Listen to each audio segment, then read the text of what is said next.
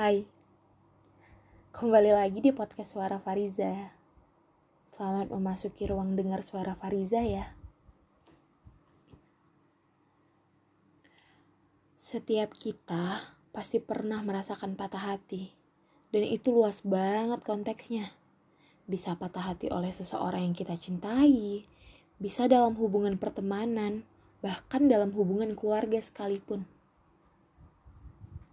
kita punya versi masing-masing untuk menyatakan bahwa kita sedang patah hati. Mungkin ada yang patah hati saat kepercayaannya dikhianati. Ada juga yang patah hati karena realitanya tak seindah ekspektasi. Ada juga yang patah hati saat harus kehilangan seseorang yang sangat berpengaruh di hidupnya. Dan ada juga sih yang patah hati saat cinta tak terbalas dan ya aku yakin kita semua punya patah hati versi diri kita sendiri.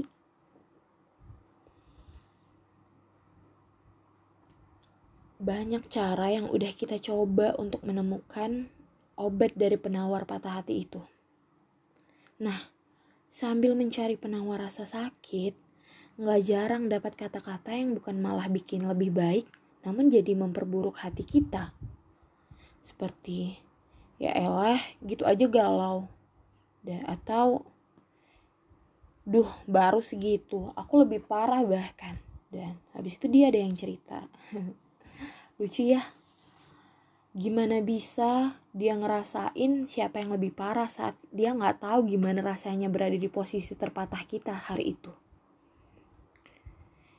Bagaimana mungkin ia memperlombakan siapa yang akan jadi pemenang dalam hati yang pernah patah?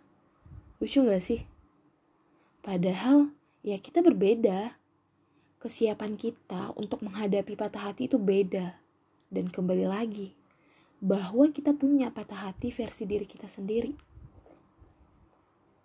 Hey, kepada pemilik hati yang pernah patah, udah begitu banyak air mata yang terkuras. Udah berkali-kali terluka, dan udah banyak hari-hari yang kamu jalanin bergandengan dengan rasa sedih itu. Tapi tahu nggak? Kita jadi paham gimana sakitnya luka. Kita jadi berusaha tangguh dan belajar untuk memaknai masa lalu sebagai episode cerita yang akan membahagiakan di waktu yang tepat. Berada dalam episode ini, merasakan sakit hati yang teramat dalam, gak lantas buat kita jauh dari kebahagiaan. Mungkin kita bisa menemukan banyak cara untuk merasakan bahagia. Dan ingat, kamu pantas ngerasain bahagia itu. Jadi, semangat ya!